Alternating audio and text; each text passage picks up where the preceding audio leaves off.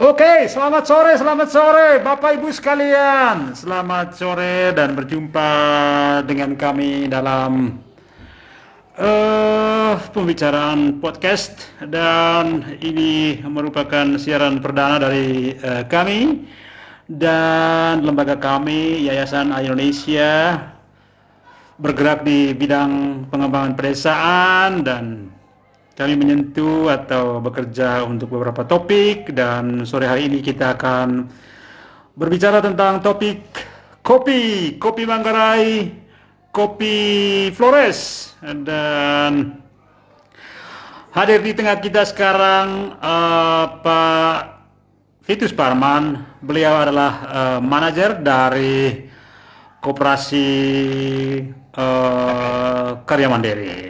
Oke, selamat sore Pak Vitus. Selamat sore. Selamat sore. Uh, senang bertemu. Uh, bisa sedikit cerita tentang apa yang sedang ditangani oleh Koperasi Karya Mandiri sekarang ini dalam beberapa waktu belakangan? Ya, terima kasih Ketua untuk uh, bulan April sampai Juni uh, kami fokusnya pada pembelian uh, komoditi kopi. Ya. Dan untuk saat ini uh, harga yang kami tawarkan di lapangan sesuai dengan uh, harga yang berlaku. Dan, Berapa harga yang berlaku sekarang ini? Dan harga yang berlaku saat ini untuk uh, Koperasi Karya Mandiri itu berkisar di antara 10.500 sampai dengan 11.000 tergantung dengan kualitas kopi HS-nya.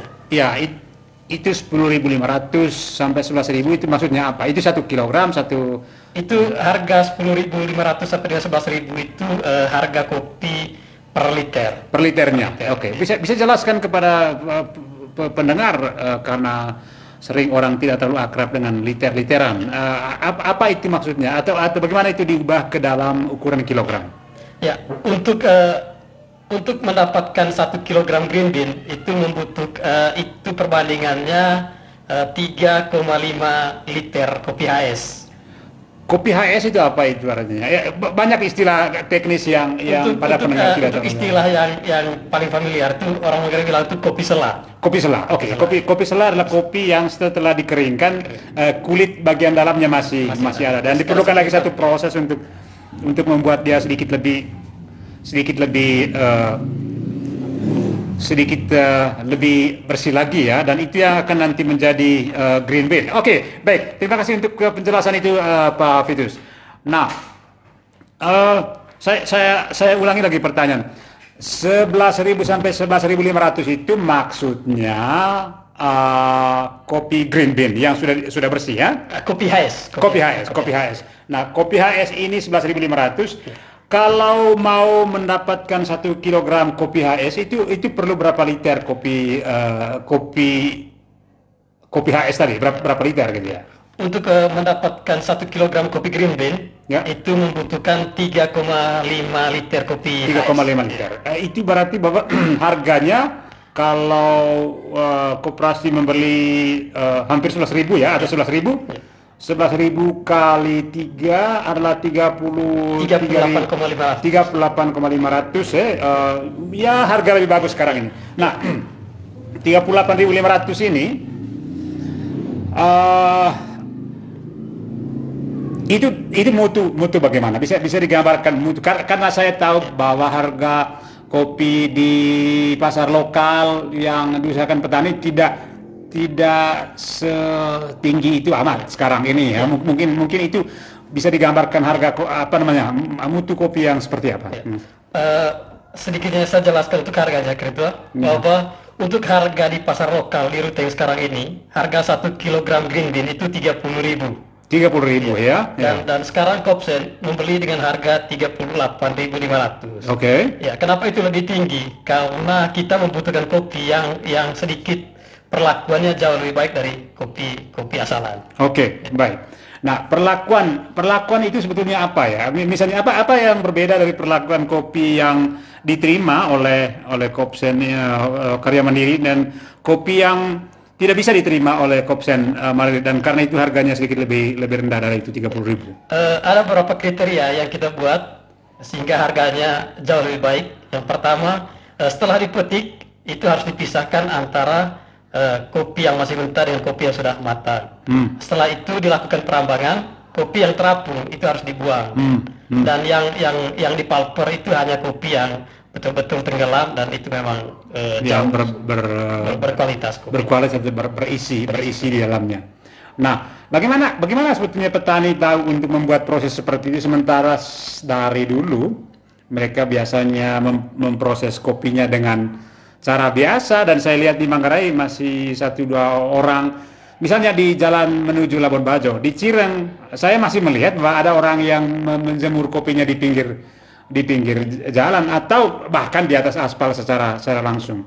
Bagaimana petani bisa tahu keterampilan-keterampilan ini? Ya. Ya, kereta untuk eh, untuk koperasi produsen selama ini eh, memang eh, lebih banyak membeli kopi dari kelompok-kelompok dampingannya Indonesia, Oh, oke. sehingga eh, koperasi koperasi produsen tidak lagi eh, melakukan pelatihan-pelatihan soal pasca panen, Ya. karena rata-rata kebanyakan petani dari kelompok dampingan Indonesia sudah paham tentang perlakuan kopi pasca panen. Oke, oke, oke. Eh, kalau kalau misalnya petani-petani di luar dampingan eh, Yayasan Air Indonesia itu, bagaimana mereka bisa dilatih untuk bisa mendapat keterampilan dasar macam itu supaya mutu kopi mereka juga eh, lebih lebih baik? Ya.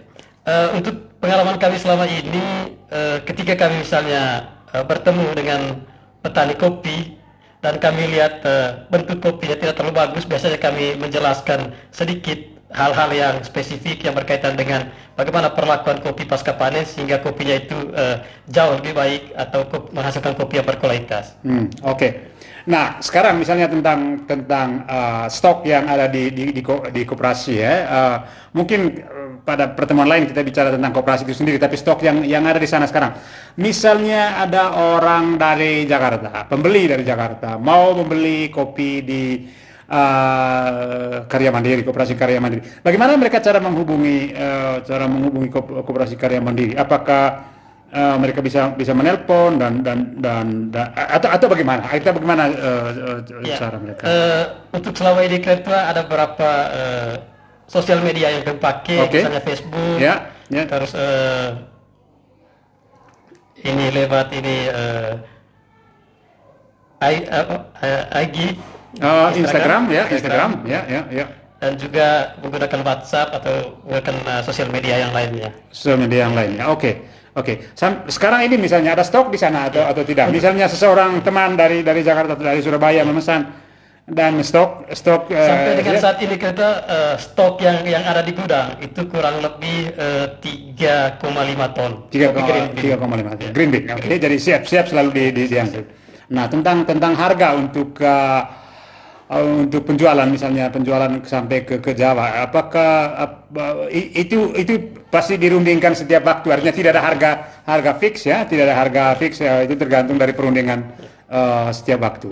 Boleh tahu berapa sekarang anggota uh, Kopsen Karya Mandiri ini? Eh, sampai dengan saat ini kereta eh, jumlah anggotanya ada 110 orang. Tapi memang ada anggota-anggota yang lain juga yang menjual kopi ke KKM, tapi mereka belum disebut sebagai anggota aktif karena mereka belum eh, menyetor uang, Oke. uang uang sebagai anggotanya. Ya, ya, ya. Eh, ber- berarti ya ki- kita berharap itu satu satu penguatan eh, petani kopi eh, lokal ya karena mereka menjadi anggota koperasi dan semua keuntungan dari koperasi ini nanti dibagi secara adil kepada eh, anggota-anggotanya. Nah, apakah koperasi karya mandiri juga menerima anggota anggota baru dan eh, apakah mereka juga harus mengikuti prinsip-prinsip tertentu dalam dalam keanggotaan koperasi? Ya, eh, di eh, pola kebijakannya koperasi produsen kemarin ketua, eh, yang boleh mendaftar untuk menjadi anggota koperasi produsen itu yang pertama harus eh, memiliki Lahan kopi, ya. dan yang kedua itu